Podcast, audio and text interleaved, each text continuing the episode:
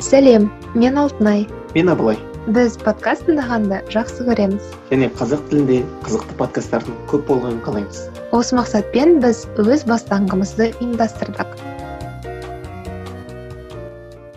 Сәлем құрметті тыңдарман. Ә, бастаңғының ә, екінші маусымына қош келдіңіздер. Біз ә, бүгінгі эпизодпен біздің подкасттың екінші маусымын ә, бастамақшымыз. Сіздермен бірге бастаңғының жүргізушілері әдеттегідей мен алтынай және және мен абылай. Қалайсыздар достар қалдарыңыз қалай? Екінші маусымға қош келдіңіздер. Бұйыртса жақсы жақсы эпизодтар болады. Бізді тыңдап жүріңіздер. Үзбей үзбей. Иә бұйырса бізде бірінші маусымда тұрақсыз әйтеуір қанша эпизод шығарсақ та бізді тұрақты түрде тыңдағандарыңыз үшін үлкен алғыс білдіреміз сіздердің сабырларыңызға сондай үлкен бір баға иеміз. Ә, бізді енді осы маусымда тұрақты түрде әрі қарай жалғастырып тыңдаңыздар достарыңызбен бөлісіңіздер. Бұйырса подкаст деген осындай ғажап нәрсе бар екенін міндетті түрде жүрген жерлеріңізде айта жүріңіздер. Иә біз де сол сіздердің үміттеріңізді ақтауға тырысамыз. Жақсы жақсы тақырыптарды көтеріп соны талқылап немесе сіздердің де телеграм чатқа жіберген өздеріңіздің кері ә, жауаптарыңызға байланысты сол жерде өздеріңіздің тақырыптарыңызды ұсынсаңыздар болады. Сол жақта да сіздердің ә, ойларыңызбен сол жерде тақырып шығаруымызға болады. Сондай сондай да жолдар бар. Солай өзіңіз де атсалыса аласыздар иә енді бүгінгі эпизод туралы ә, айта кетсек бүгінгі эпизод енді көктем жаңа маусым болғаннан кейін ә, біз біраз табиғат экология тақырыбын қозғап осы жаңа маусымды бір өзекті тақырыппен бастайық деп шештік. Идея авторы абылай сондықтан абылай тақырып туралы өзің бір кіріспе айта кетсең. Бұл туралы енді ііі не деуге болады енді экология деген нәрсені енді көбіміз енді соңғы кездері көп көп естіп жатырмық қой. Ііі жаңағыдай не дейді жаңағы бұқаралық ақпарат құралдарында да әйтеуір бірдеңе болса экологияға зиян тиеді экологияға зиян тиеді деген сияқты бір сондай сондай қызыл ұрандар көп айтылып жатыр ғой қазір негізі. Бірақ шынымен ақ олардың айтатын да бар бір жағынан сөйтіп осыған шынымен ақ экологияға зиян келетіндей сондай қауіп бар ма? Әлде бізге маңызы қандай табиғаттың? Біздің қоғамдағы біздің өмірімізде рөлі қандай деген секілді сұрақтарға жауап беру үшін? Және өзіміздің елімізде болсын әлемдегі болсын осындай осындай бір мәселелер бар екен. Соларды біз қаншалықты дәрежеде ә, зиянын сезініп отырмыз? Немесе ол шынымен сондай ма деген секілді сұрақтарға жауап беру үшін?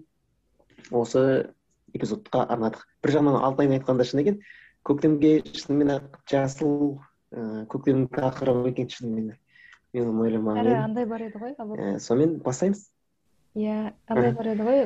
Әрбір көктем сайын мектеп кезде бізді шығарып ыыы сенбілікке шығарып айналаны тазартып ағаш отырғызып сөйтіп жасауға мәжбүрлейтін едік қой. Сол кезде соның құндылығын маңыздылығын түсінбей ашуланып жүріп ұрсып жүріп жасайтын едік қой мұғалімдермен. Иә ол бір жағынан сендердің мектептеріңде қалай болды екен? Бізде бірақ андай не болатын? Мәжбүрлеу иә шынымен болатын бірақ ол кісілер де өздері негізі үлкен кісілер жаңағыдай директорден бастап өздері тазаласа бізде бірақ директор тазалады ма тазаламады ма завучтар есімде жоқ. Бірақ сондай біздің сондай сондай басшылардың өзі үлгі көрсетсе мүмкін біз оны бүйтіп ұмытылып істер ме едік деп қазір өткенде бір ой елегінен өткізіп отырып осыны сөйтіп ойладым да сөйтіп олар кісілер болды ма әлде? Бізге тек қана андай нұсқау беріп қана отырды ма екен? Әй меніңше сол нұсқау беріп қана отырғаннан кейін де бір жағынан әсері болмайтын секілді. Өздері сөйтіп иә. yeah. алдыға ұмтылып өздері көрсетсе сонда бүйтіп. Айтқызбай істейсің ғой. А мына кісінің өзі істеп жатыр. Бұл андай. Ол кісі былай деп ойлайтын біздің мектепте жалпы біз жақтарда біз жақтарда деймін ба қалай? Мүмкін ол бәріне де шығар.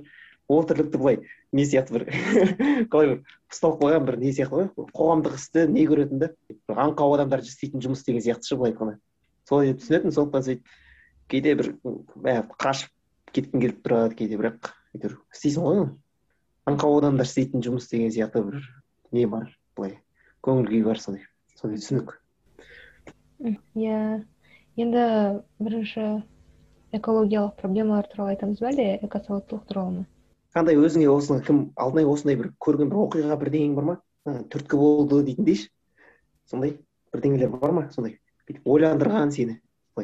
Экология туралы бүйтіп ойландырып ойбай шынымен ақ мә экология деген табиғат деген бізге маңызды екен ғой деген сияқты бір оқиғалар болды ма сенде? Бір видео көріп қалып немесе бір сондай бір нәрсеге куәгер болып деген сияқты. Аха. Мынау негізі күшті сұрақ екен өйткені ыыы бұрын мен ойлайтынмын ыыы қоршаған ортаға жаңағыдай глобалды мәселелерге жаңағыдай мен бір кішкентай адам қандай ықпал жасай аламын? депші. Және ол үлкен деңгейде болып жатқан мәселеге кішкентай нәрсе ешқандай әсер ете алмайды деп ойлайтынмын. Сол үшін мысалы қоқыс тастап жинамай ақ әйтеуір өтірік жұмыс жасап өтірік тазалап сөйтіп жүретінмін. Сосын кейін ә, маңыздылығын түсінбейтінмін әрбір мысалы ә, қадамдардың мысалы тазалықтың жаңағыдай табиғатқа қамқорлық деген секілді ауа тазалығы деген секілді нәрселерге аса мән бермейтінмін. Кейін ә, осы алматыда жүрген уақытта ә, экобелсенділер болды айналамда олар үнемі айтып жүретін. Пластиктерді жинау керек қағаздарды жинау керек ыыы қоқыстарды сұрыптау керек деген секілді айтып жүрген кезде мен ойлайтынмын қалай ерінбейсіңдер осы нәрсені істеуге?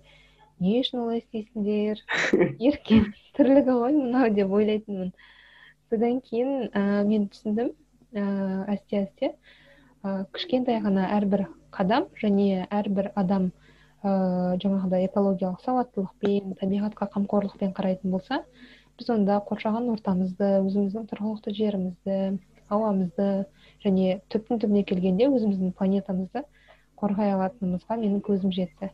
Сөйтіп мен енді қазір экобелсенді емеспін. Ә, бір экологиялық м сауаттылығым да жоғары деп айта алмаймын. Десе де бір қарапайым нормаларды ережелерді сақтап өмір сүруге тырысамын. осындай. Сенде ше ә, менде осы экологияға қатысты екі оқиға есіме түсіп отыр. Біріншісі ол ә, осы бесінші алтыншы ма жетінші сынып па қай сынып екені есімде жоқ. Бірақ әйтеуір ағылшын кітабында ағылшын тілі кітабында ііі сол ағылшын тілі кітабында әйтеуір лондонды жалпы біріккен корольдікті насихаттайды ғой барлығы соның символдарын деген сияқты. Сол кезде бір лондонның ішіндегі лондон қаласындағы қоқысты сұрыптау туралы өткен болатынбыз. Сол кезде айтқан қызылға жаңағыдай металдарды салады ол жақта сарыға пластиктерді жасылға тағы сол сияқты деген сияқты сұрыптап сұрыптап ол жақта қоқысты андай бет албатты тастамайды бейберекет деген сияқты сондай мә мыналар күшті ғой. Неге бізге жасамасқа деген сияқты. Жасау соны жасау керек деген сияқты. Сондай бір ой ой түскен о мына не деген керемет деп сөйтіп сол кітап арқылы сондай бір жалпы бір бір сондай бір үлкен ойды алған о деп күшті екен деп. Сөйтіп содан кейін ол ұмытылып та кеткен шығар. Сөйтіп қалаға келгеннен кейін кейде ақырын алматыдан әйтеуір бір бір жерден көре бастадым. Ал екінші оқиға бір күні инстаграмда отырмын сөйтіп инстаграмда отырған бір кісі әйтеуір инстаграмды қойып отыра бересің ғой араластырып жаңағы бетін парақтап сол кезде бір бір кісінің сторисінен көріп қалдым. Дом деген ненің дом деген ютубтағы деректі фильм ғой. Мхм. Соны көріп шықтым екі сағат па сондай екен. Сөйтсем енді бүкіл әлемдегі сондай экологиялық проблемалары бар. Сондай соның орталықтарын эпицентрін көрсеткен ғой сондай сондай проблеманың өршіп сол жерден шығып жатқанын сол кезде қазақстанда өзбекстан бар мақта шаруашылығымен жаңағы табиғатқа зиян келтіріп жатыр сосын қайсы бар? Сондай жануарларды өлтіріп жатқан мысалы африкадағы мысалы кеуіп кеткен жерлер шөлдер деген сияқты сондай сондай нені көріп мә деп ананы көріп ойланып қаласың шынымен былай қарасаң дейді мысалы айтады біз нені технологияны жек көреміз ғой дейді технология қазір адамзатқа жалпы табиғатқа қауіп келтіріп жатыр деп. Бірақ технология мысалы нені де сақтап жатыр дейді да сода. Мысалы киттерді баяғыда май үшін солардың ішіндегі майын неге пайдаланған екен ғой? Ә, жанармай ретінде ма солай бірдеңеге пайдаланған екен. Осы тұрмысқа немесе сондай өндіріске ма бірдеңеге пайдаланған екен. Кейін бензин тағы сол сияқты жанар жағармайдың түрі шыққаннан кейін киттерді өлтірмейтін болыпты ғой сонда айтады. Былай қарасаң бір жағымен өлтіріп бір жағымен әйтеуір табиғатты бір жағынан құтқарып жатыр деген сияқты соны көріп жаман не болып қалдым? Сондай шок сияқты ғой. Мә шынымен ақ не болып барады деп. Бір үлкен үлкен полигондарды көрсетеді ана видеода. Андай полигон оңтүстік ол жерде адамдар тұрып жатыр ғой кәдімгідей. Андай квартира жасап алған андай башық сияқты өздерін құрып алған сол жерін тамақтауға келіп келеді соны өткізеді ой ананы көріп жаман болып қалдым шынымен сол қоқыс сөйтіп сол кезде ойландым о шынымен ақ экология деген нәрсе керек екен ғой деп. Сосын солтүстік мұзды мұхиттағы кейбір мұздарды көрсетеді сол кезде. Мынау бұрын мындай қалыңдықта болған қазір кішкене еріп бара жатыр деген сияқты. Мә қалай болады кейін? деп қоясың ғой сондай деген сияқты сол кезде бір қатты ойландым негізі. Мхм. Сондай иә. Енді ыыы біз әлемде жалпы қандай проблемалар бар, бар екенін білеміз. Мысалы ол м жаһандық жылу болсын ол жаңағыдай әлемде үлкен үлкен жаңағыдай нелерде полигондарда ыыы қоқыстардың жиналуы болсын ыыы өңдеу мысалы қоқыс өңдеу зауыттарының аздығы болсын немесе компаниялардың өңдеуге жатпайтын жаңағыдай материалдарды пайдалануы болсын. Оның барлығы мысалы жаһандық мәселелер. Енді өзіміздің жаһандықтан жергілікті мәселелерге қарай көшетін болсақ қандай жергілікті мәселелерді мысалы маңызды ретінде біз атап өте аламыз тыңдармандар үшін? Жергілікті мәселе десек мысалы егер қаланың өзінде алатын болсақ енді болыпты көліктер ол онсыз да иә көліктер онсыз да жүреді олар онсыз да ластайды.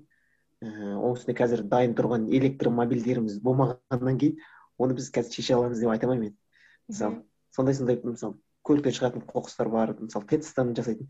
Қазір қала басшылығы айтып жатыр ғой алматының.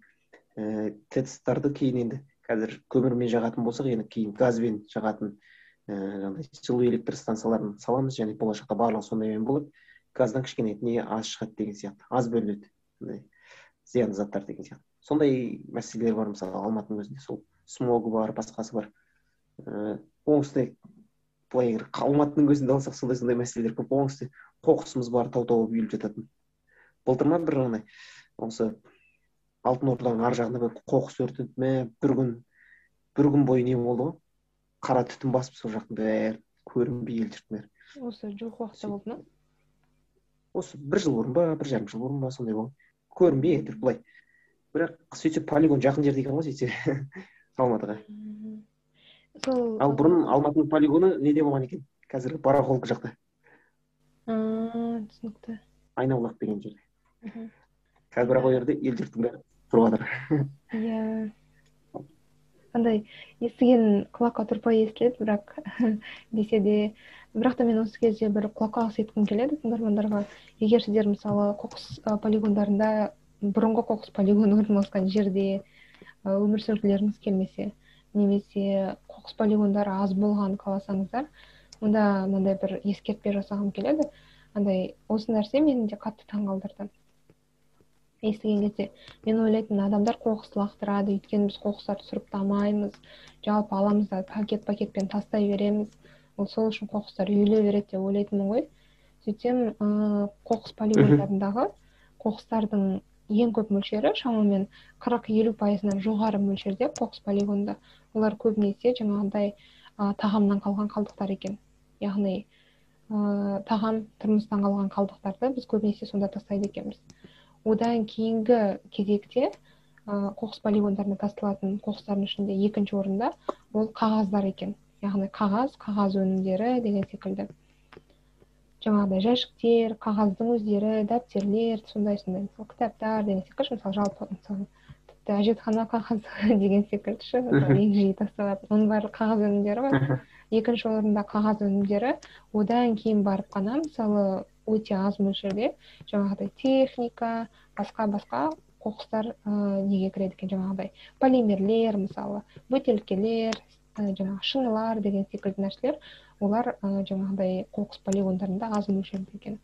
Және ол тек қана мысалы алматы қаласында ғана емес көптеген мысалы әлемдегі қоқыс полигондарында и осы мәселе андай үлкен мысалы не қиындықтар мысалы үлкен дау туғызады да халыққа көбінесе мысалы ә, тағамдарды немесе тұрмыстық ә, қалдықтарды өңдеуге немесе барынша аз тұрмыстық қалдық шығаруға ә, көбінесе экологтар кеңес береді. Себебі тұрмыстық қалдықтар олар мысалы ұзақ уақыт езіліп жатса кейін олар ашиды улы газдар бөледі деген сияқты ғой.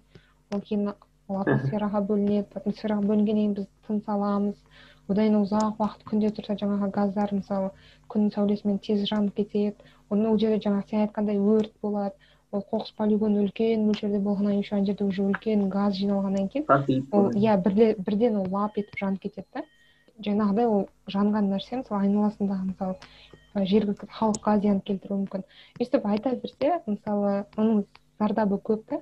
Бірақ осыны біз шеше аламыз бір нәрсемен. Мысалы біз тұрмыстық қалдықтарды немесе жаңағы тағамнан қалған қалдықтарды азырақ шығару арқылы деген сияқты. Мхм. Бір қызық нәрсе айтайын ба бір иә.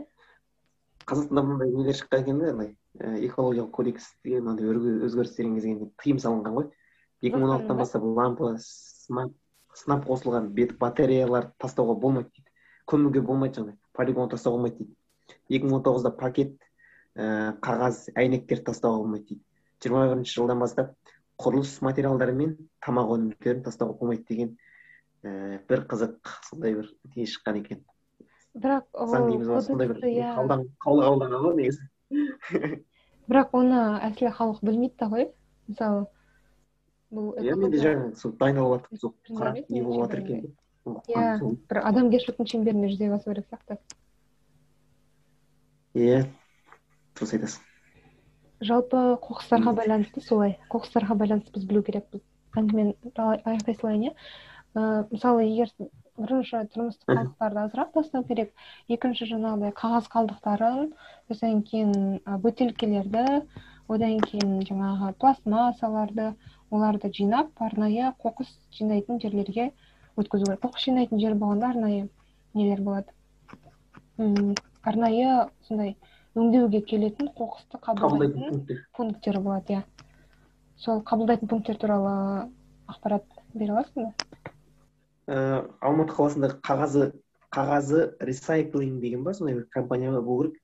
Сол кісілер әрбір жерге әйтеуір алматы қаласының сол түрлі аудандарында әйтеуір сондай сондай адам көп тұратын мекендерде ә, сондай өздерінің несін орналасқан дүңгіршектерін. Сол жерде сіз қағаз әртүрлі сондай сондай екінші қатты қалдықтарды өткізсеңіз болады. Әрқайсысына бір бір, бір килограмм нені алпыс теңге жетпіс теңге жүз теңгеге таман алады бірақ қайта сіз бір жағынан ақша аласыз кішігірім кішігірім сізге не андай вознаграждение ал екінші жағынан иә бір жағынан қайта нені құтқарасыз ғой кішкене. Қоқыстарға жаңа өмір бересіз. Сөйтіп мен де бір рет өткізгенмін бір бір бір баклажка өткізгенмін бір салафан баклажканың ауаның ауасын шығарып оны ұстап мыжып мыжып мыжып үлкен бір үлкен баклажка. Бір салафан баклажка өткізгенмін андай қытайдың қызыл салафаны бар ғой сондаймен иә. Бірақ енді күшті болып қалсың өзіңше ғой бүкіл жерді қырғандай болып қаласың бірақ кейде енді кейде енді ерінген кезде байқамай қоқыспен бірге кетіп қалады. Сен ойлайсың ой молдаң айтқанын молдаң айтқанын істе істеген істеме айтқанын істе деген сияқты бүйтіп қоясың о иә. дейсің бірақ сосын екінші әдет менде мынандай нәрсе бар. Сосын магазинге барған кезде мысалы салафан бірдеңені неге салып қоямын сумкама мысалы артық екі үш салафан салып қоямын сосын андай салафан алмаймын неден магазиннен. Өзім салафанмен барамын да дүкенге барған кезде болды керек емес керек емес. Осындай киімдер бес теңге алады ғой. Иә. кейбір магазиндер күшті бір жағынан ол ол үшін емес негізі ол үшін емес бірақ өзім үшін ғой. Салафан әйтеуір алмаймын керек емес деп қойды сөйтіп а деп қойдым олар неменеге ой не оны салафанды? Керек емес деп. А деп. қояды сөйтіп сондай екі әдет әйтеуір осыларды істеуге тырысамын жақсы екен иә. Өйткені бұрын мама мама үйдегілер істейтін ғой солайша. Иә. Пакеттер жинап қояды. Сол кезде мә менің жыным ұстайтын немене жинаймыз алла немене өзі аяғын ала салмайсыз ба деп сөйтсем мә ол құптылық екен ғой қазір ойлап өз өзіме деп қоямын ғой иә. Дегенмен ол кісілер үлкен кісілер ғой білген ғой. Әр нәрсенің оңын солын иә білген ғой. Бірақ қайдан білейік? Надан екенбіз ғой сөйтсек ол кезде. Иә. Онымен қоса андай қазіргі таңда мені қуантатын нәрсе қазір көптеген үлкен супермаркеттерде гипермаркеттерде ыыы нелерді пакеттерді ақшаға береді. Он теңге бес теңге он бес жиырма теңгеге ше ол өте ғажап практика себебі әлемдегі үлкен мемлекеттер ол мысалы жаңағы қытай малайзия америка өзінің көптеген әлем дамыған мемлекеттер өзінің практикасынан осы нәрсені өткізген. Олар мысалы жаңағыдай пластик пакеттермен ыыы оның экологиялық салдары үлкен ғой. Ыыы күресу мақсатында оларды бірінші сатыда мысалы ол тегін болды ғой адамдар мысалы үлкен мөлшерде алып шашып тарата беретін еді. Одан кейін ол қоршаған ортада ол ыдырамайды оны жануарлар жеп қояды. Ол топырақтың астында қалады өсімдіктерге зиянын келтіреді деген секілді. Сол кезде әлем мемлекеттері осындай пластик пакеттерді ақылы түрде беріп бастайды тұрғындарға. Сол кезде тұрғындар ә, жаңағыдай пластик пакеттерді пайдалану екі есе азайған деп ә, статистика көрсетеді. Қазіргі таңда қазақстанда да мысалы дүкенге барып мысалы сен пакет сұраған кезде мысалы он теңге десе ой ладно керек емес деп адамдар осылай істейді. Да мысалы пластик пакеттерін пайдалануды ол азайтады. Сонысы жақсы адамдар өзімнің немен ыыы дорбаммен барайын деген секілді. Нәрсені жақсартады соңғы уақыттары менде де сондай практика пайда болды. Мен пакет алмауға тырысамын. Ыыы мен үнемі рюкзакпен жүремін. Рюкзагыма салып аламын үлкен менің нормам болды. Бірақ енді пакетті алсам пакетті үйде пайдаланамын екінші үшінші мәрте. Тағы бірдеңе саламын оны алып тастап тағы бірдеңе саламын сондай. Ең соңында қоқыспен кетеді деші иә. Ол бірнеше реттік неден? Қолданудан өтеді оңтүстікте бір жағынан дейді да шетелдердегі сондай жақсы өңдеуге өңдеу өңдейді ғой көбісін. Мысалы еуропада көбін мысалы алпыс пайызын өңдейді екен қатты қалдықтардың сондай жалпы қоқыстың. Ал бізде соның реттелмеуі дейді да бір жағынан ііі себебі бізде тарифтердің реттеуі бойынша жалпы андай мысалы жүз пайыз пайда бар десек сол қоқыстан соның бізде алпыс бес пайызын ііі не алады екен? Ііі қазақстанда соны таситын компания мысалы ііі жаңағыдай мысалы бір жақтан бір жаққа қарай қоқыс таситын компания алпыс бес пайызын сол алады деп табысты ал он жеті пайызын қоқыс өңдейтін зауыт ал он сегіз пайызын полигон. Сонда солай бөлінген екен. Ал негізі андай дамыған өңдейтін сондай қоқыс өңдейтін мықты жолға қойылған елдерде ііі зауыттар яғни өңдейтін зауыттар табыстың қырық бес елу пайызын алады екен. Ал қырық пайызын ііі жаңағыдай таситын компаниялар яғни тасымалдаушы компаниялар. Ал он пайызын ғана полигон алады екен яғни полигон құр жатқан жер бізде құр жатқан жердің өзінен он сегіз пайыз деген сияқты. Бізде сондай керісінше болып тұр да. Сөйтіп сөйтіп сондай сондай оңтүстікте андай полигондар мемлекеттікі ал зауыттар жекеменшік деген сияқты екеуі бір қолда болу керек деген сияқты сондай реттелмеген тұстары бар екен соларды реттесе негізі барлығын былай реттесе бізде де сондай нәрсені жолға қоюға болады дейді. Сондықтан енді дұрыс болып қалатын шығар енді алдағы уақытта. Адамдар айта берсе иә. одан қалса қазір соңғы уақыттары экобелсенділер жаңағы эко ұйымдар өте көп мысалы құрылып олар белсенді жұмыс істеп жатыр да. Сол нәрсе шынымен де көз қуантады енді грета грета тунберг сияқты ұшақтан бас тартамын демегендер дейтіндер жоқ енді қазір бізде. Бірақ сонда да әйтеуір ақырын ақырын жай жай иә.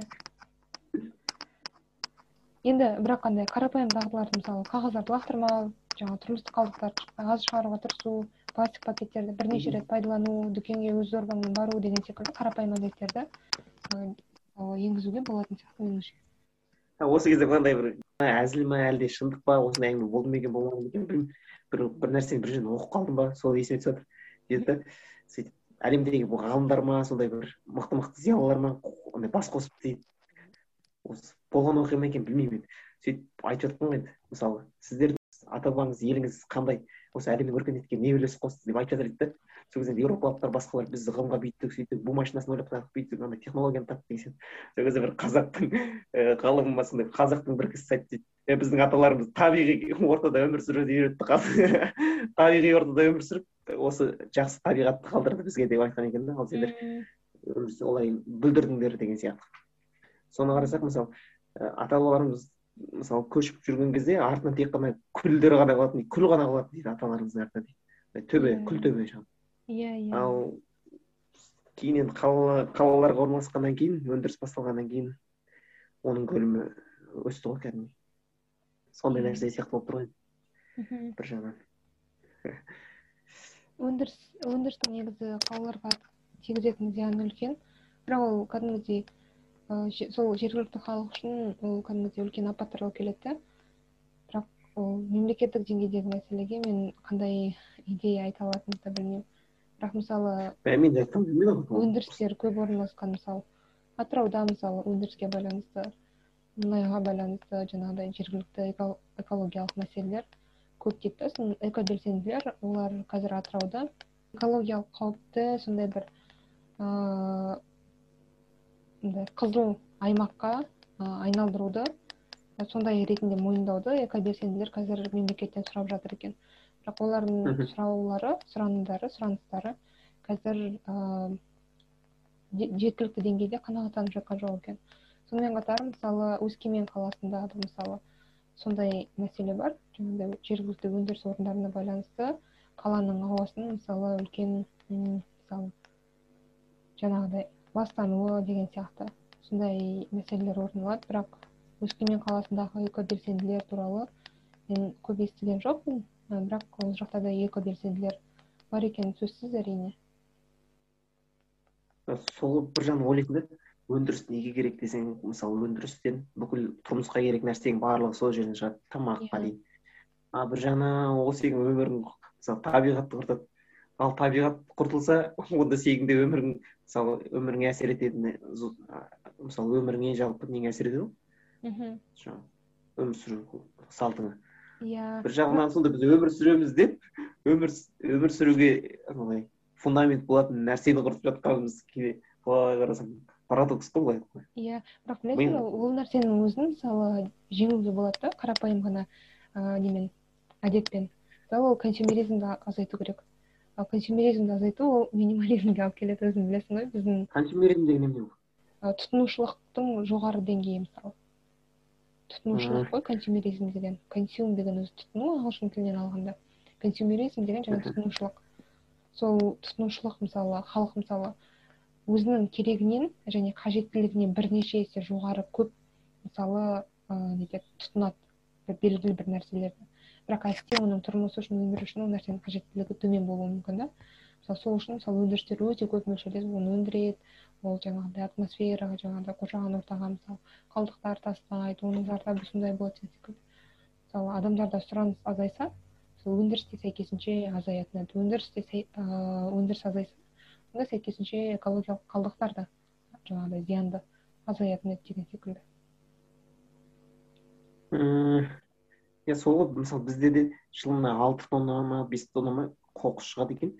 Оның тек қана он пайызы ма өңделеді екен дейді. Мхм. Жылына алты тонна тек алматы қаласынан ба әлде қай жерден? Жалпы жалпы жалпы жалпы жалпы. Қазақстан бойынша алты тонна? Иә алты тонна дейді алты миллион тонна миллион тонна алты миллион тонна бәсе алты тонна деген аз деп алты тонна болса үй жаққа кетіп тасташы деп өзім өңдеп тастаймын деп па иә соның тоғыз пайыз дейді бірақ тоғыз пайыз ма кім біледі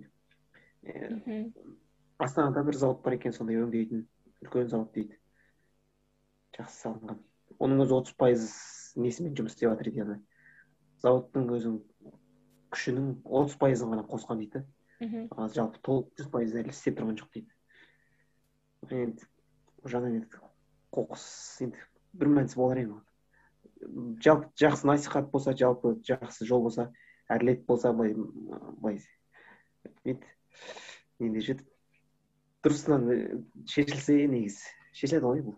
Мхм. Мхм. Бір жағынан билік бар. Жағынан активистер бар сондай сондай кісілер. Солай бір шешімін табады ғой негізі. Иә. Шешім табуға болады ғой. Иә осы кезде мен ә, біздің тыңдармандарға айтқым келеді.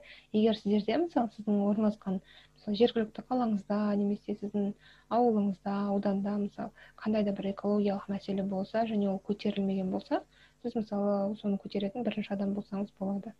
Мысалы экологиялық мәселені көтеру ол ешқандай да қорқынышты емес. Мысалы сіз жергілікті әкімшілікке барып немесе экологиялық мысалы мәслихатқа жазуға болады иә мәслихатқа жазсаңыз болады. Немесе облыстық мысалы арнайы экологиялық бөлімше міндетті түрде болады. Мысалы м сол жерге барып арнайы ыыы жаңағыдай жазып дәлелдемелер келтіріп сөйтіп сіз өзіңіздің ауылыңызды тұрғылықты жеріңізді көркейте аласыз. Осы жерде біз өзіміздің қазақстанның әртүрлі аймағында тұратын достарымыздан өз жеріндегі экологиялық мәселелер туралы сұраған едік. Соларға кезек берсек.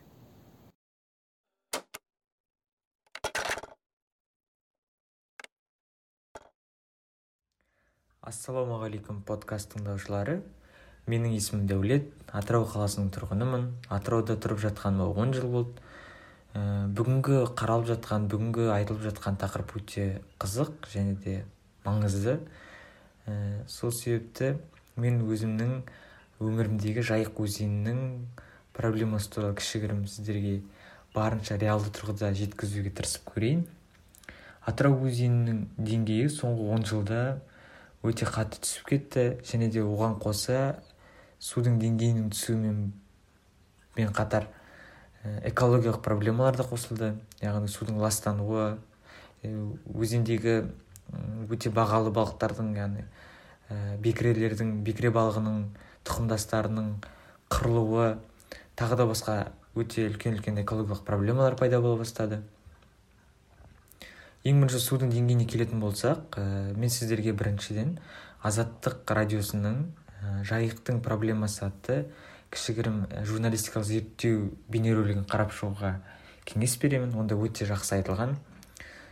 Кейбір бөліктерінде адамдар суды жалаң аяқ жаяу өтіп кешіп өтуіне де болатындай деңгейге жетіп қалған.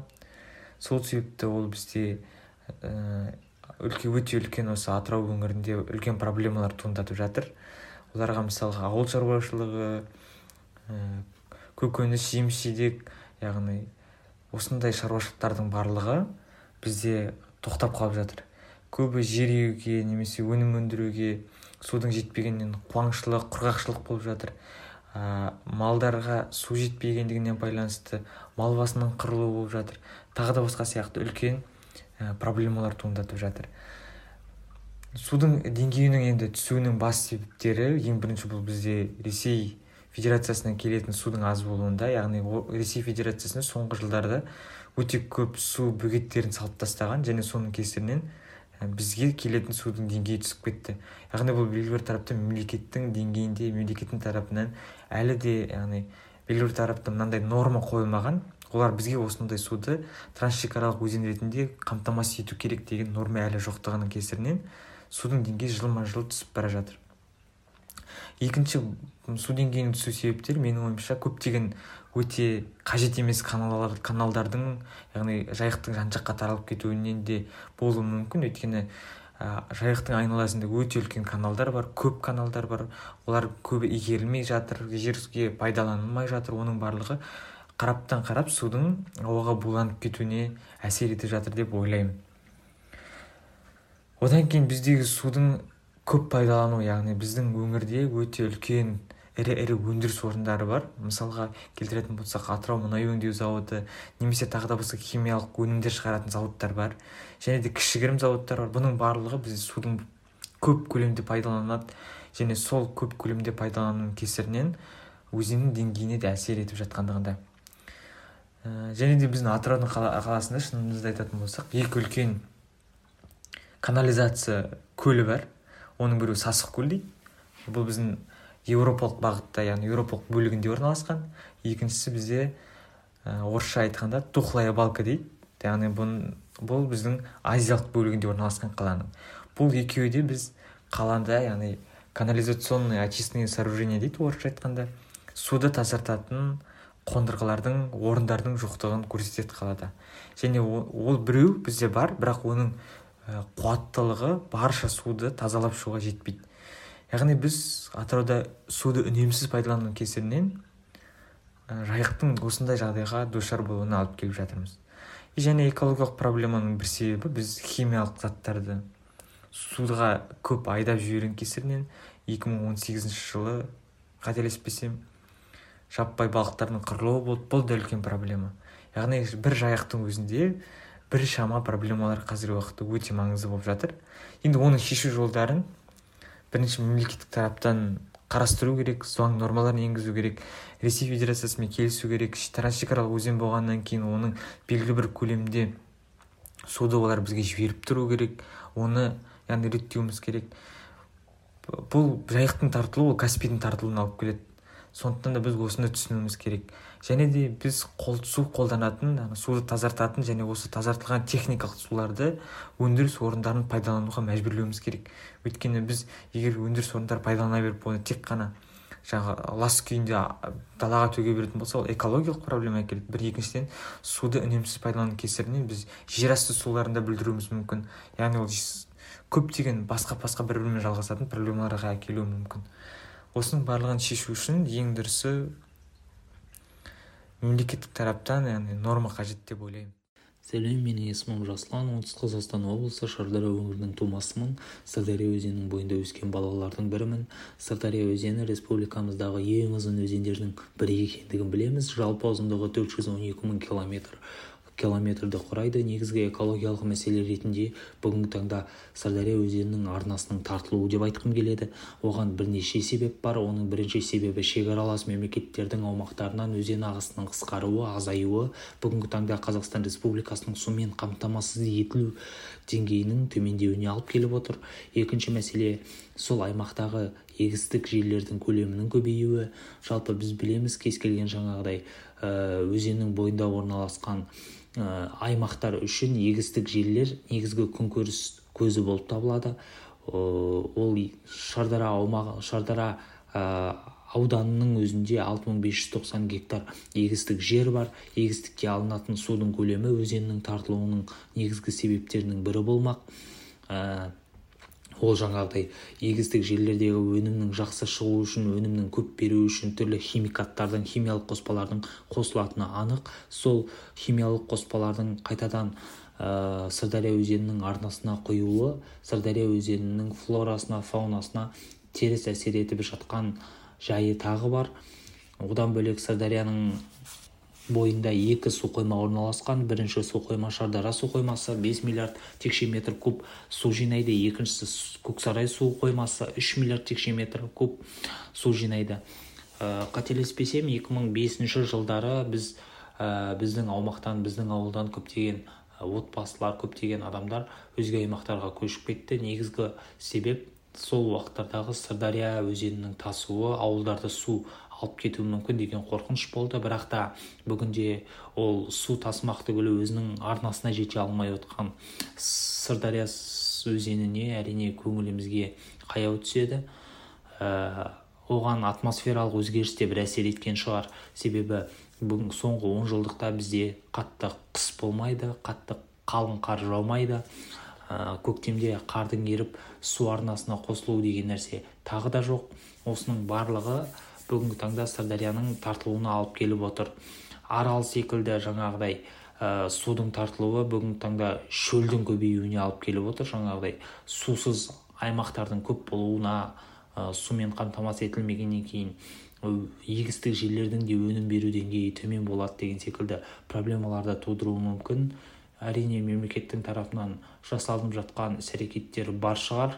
Дегенмен де бүгінде бұл мәселелерді шешпейтін болсақ ертеңгі күні үлкен бір мәселелердің туары хақ. Ассалаумағалейкум қайырлы күн. Менің есімім еркін арал ауданының тұрғынымын. Мен өзімнің туған өңірімдегі арал теңізінің экологиялық мәселесі туралы шағын ғана өзімнің пікірімді сіздермен бөліскім келіп отыр. Иә қазіргі таңда арал теңізінің өте қатты тартылып кеткендігі жағалауының өте қатты әрі қарай кетіп қалғандығы туралы барлығымызға мәлім. Қазіргі таңда енді сол жақтағы тұрғындардың өмірі қалай? Ә, оларға экологиялық және экономикалық жағынан қалай әсер етіп жатыр? Сол туралы ә, шағын ғана ақпарат беріп өтсем. Ә, арал теңізі тартылғаннан кейін осы арал ауданының өңіріндегі балық шаруашылығымен айналысып отқан көптеген адамдар басқа жаққа көшіп кетті. Өйткені олардың күнкөріс көзі осы балық шаруашылығы болатын. Екіншіден ә, осы арал қаласындағы көптеген балық қабылдайтын комбинаттар өз жұмыстарын тоқтатып көптеген адамдар жұмыссыз қалды. Ә, ал экологиялық мәселесіне келетін болсақ қарапайым ғана ол тұздардың аспанға ұшуы және де сол тұздың антарктидада және солтүстік мұзды мұхиттардағы табылуының өзі ақ барлығымызға ол әлемге иә қазақстанға ғана емес әлемге қаншалықты әсер етіп жатқандығы ә, қарапайым көзге ақ көрініп тұрғандығы. Ә, қазіргі таңда ол арал теңізі үлкен арал және де кіші арал болып екіге бөлініп қалды. Ну, кіші арал ә, теңізін сақтап қалу үшін қазақстан бірнеше жобаларды қолға алып көкарал су қоймасы көкарал бөгетін салып ә, сырдария өзенін белгілі бір мөлшерде құюына бір әсерін тигізіп отыр. Соның арқасында әйтеуір өзінің шамалы кіші де болса көлемін сақтап қалуда. Ал үлкен арал теңізі ол ә, толықтай қазір өзбекстан республикасының аумағында орналасқан. Ә, оның қазіргі таңда көлемі өте қатты кішірейіп кетті. Және де ол үлкен аралды осы біздің арал ауданы тұрғындары өлі теңіз деп те атаймыз. Себебі ол жақта бірде бір тіршілік көзі жоқ.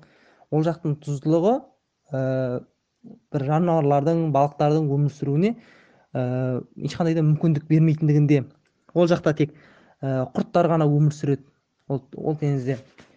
Ә, негізі бұл арал теңізінің тартылып кету себебі антропогендік әсерден яғни адамдардың ә, суды ысыраппен пайдаланғандығының әсерінен болды. Ә, өйткені ксро кезінде яғни 1950-60 жылдары ә, жалпы егістіктерге суды өте қатты көп алды. Ә, сырдария және де әмудария деген арал теңізінен құятын екі негізгі өзендер ә, құймай қалды. Соның әсерінен осы арал теңізінің бүгінгідей күйі соның әсерінен болып отыр. Қазіргі таңда әмудария өзені әлі күнге дейін құймайды ал сырдария өзені болса белгілі бір мөлшерде аз ғана мөлшерде құйып отыр. Ә, неліктен? Өйткені оларда қазіргі таңда негізі миллионнан әрі каналдар тартылған дейді. Осы екі өзеннің бойынан ауыл шаруашылықтарына бақытында пайдалану үшін. Енді ол былай қараған кезде сол каналдардың барлығы сол өзендерді жағалай орналасқан халықтардың тұрмыс тіршілігі үшін тартылғандығында ә, екіншіден былай қарап тұрсақ ә, сырдария өзені үш мемлекеттен өтеді. Қырғызстан және өзбекстан осы қазақстан өзендерінің арасында ә, республика мемлекеттерінен өтетіндігінде. Және де осыларда ә, нақты бір келісімшарт жоқ. Ә, жылына осынша көп су осы арал теңізіне құю керек. Яғни осы арал теңізінің мәселесі әлемдік мәселе болып осыларда қарастырылып отырғандықтан әмудария өзенінде және сырдария өзенінде белгілі бір мөлшерде судың құюын қарастырып беретін болсақ онда әйтеуір арал теңізінің ә, белгілі бір мөлшерін сақтап қалуға біздің мүмкіндігіміз бар екендігінде және де ол ә, осы ксро заманы кезінде осы арал теңізінің ә, қалпына келтіру үшін осы ә, ресей мемлекетіндегі қазіргі таңдағы об өзенін осы аралға әкелу туралы бір жоба қарастырылған болатын. Бірақтан да мың тоғыз жүз жылы ксро ыдырап әр мемлекет өзінің жеке тәуелсіздігін алып кеткеннен кейін ол жоба сол күйінше жабыл, жабыл жабулы күйінше қалған тұғын. Ә, және де қазіргі таңда көптеген ғалымдардың басқалардың айтуы бойынша мына ертіс өзенін осы аралға әкелу туралы да көптеген ә, ұсыныстар айтылуда. Өйткені барлығымызға белгілі ертіс қарағанды каналы бар және қарағанды мен жез, жезқазған арасында да белгілі тұрғыда канал қазу туралы проекттердің болғандығы соның барлығын жезқазған мен мына арал теңізінің арасы ә, белгілі алты жүз ақ километр екендігінде ол екеуінің арасында канал тарту ешқандай да қиындық туғызбайтындығында осы арқасында арал теңізін бұрынғы мөлшерге бұрынғы мөлшеріне қайтып әкеле алмасақ та ә, белгілі мөлшерін сақтап қалуға сол жердегі ә, балықтарын болсын өсімдіктерін болсын әйтеуір сол жердің табиғатын сақтап қалуға үлкен көп септігін тигізер еді.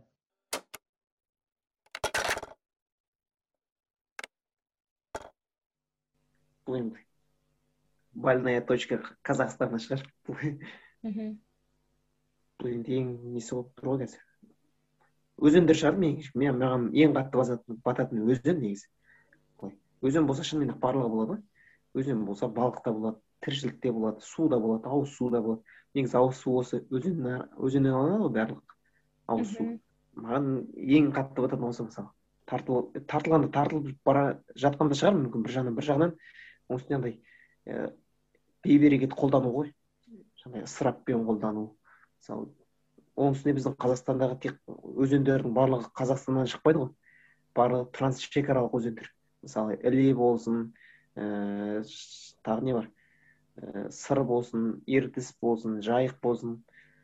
Қандай үлкен ірі өзен бар соның барлығы не шеттен келеді ғой барлығы. Шеттен келіп бізге құяды немесе бізден ары қарай өтіп кетеді деген сияқты сондықтан былай екі жақты үш жақты сондай бір мемлекеттер арасындағы мәселе болып тұр да сондықтан біз толық оған иелік ете алмағаннан кейін біз өзіміз оны шеше алмай тұрмық қой. Мысалы сырдария сырдария қырғызстаннан басталады. Сосын неде, неге барады? Өзбекстанға барады одан қазақстанға келеді. Сөйтіп ол үш мемлекет мысалы қырғызстан оны гэске пайдаланып суды бөгеп қойса гэстен тоқ аламыз энергия аламыз деп. Ал ана жақтан өзбектер шаруашылығымызды көтереміз экспортқа жіберетін мақтамызды суғарып алуымыз керек деп бүкіл мақтасын суарғаннан кейін бізге аз бөлігін ғана жіберген соң арал біздің де мақтаушылар біразын оны нетіп алады жаңағыдай? Өздеріне нетеді біразын суғаруға пайдаланады егіншілікке. Сөйтіп бір бөлігі ғана сонда аралға құяды ғой. Сонда тіршілігіміз үшін өзен өзенді бөгеп жатыр ғой сонда. Иә. Онымен қоса жаңағыдай өзендердің тартылуына байланысты салдарына байланысты маған абылай бір видеомен бөліскен тұғын ютубтағы. Сол ол бір документалды фильм секілді. Сол видеомен тыңдармандармен біз осы эпизодтың ыыы несінде сипаттамасында бөлісеміз иә иә. Соны міндетті түрде қарап көріңіздер.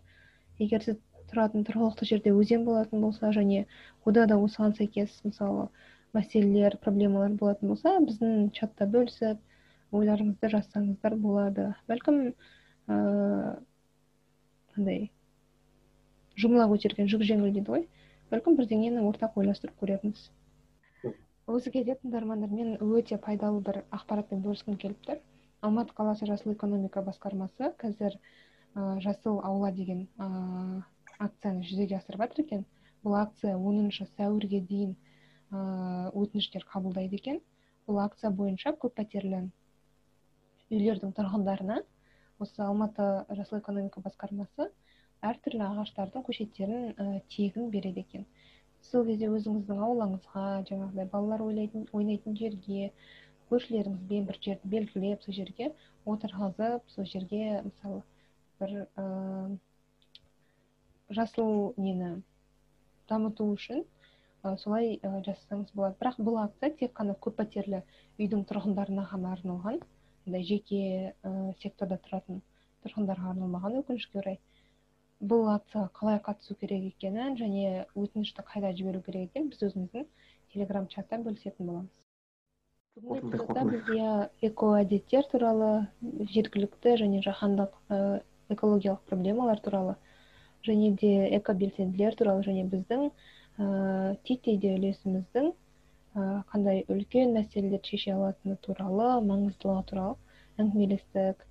Осы эпизод біздің тыңдармандарымызға пайдалы сондай бір тағылымға толы болды деп сенеміз. Егер сондай болса өздеріңіздің парақшаларыңызда біздің инстаграм парақшамызбен посттарымызбен бөлісіп достарыңызға осындай подкаст деген бастаңғы деген экологиялық тақырып қозғалған ә, нәрсені барынша бөлісіп жақсы дүниемен біліммен таратып бізді қолдаңыздар енді қазір көктем келді ғой. Көктем келген кезде тал отырғызып ағаш егетін уақыт қой.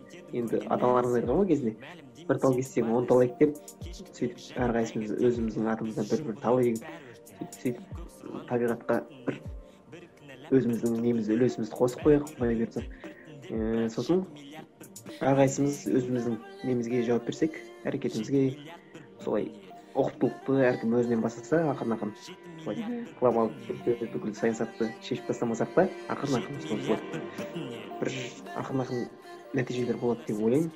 Сондықтан келесі эпизодта көріскенше ой пікірлеріңізді бөлісіп отырыңыздар. Құрметті тыңдармандар бізбен болғандарыңызға көп көп рахмет. Әлеуметтік желілерде ұмытпаңыздар келесі эпизодта жолыққанша сау болыңыздар. Oh yeah.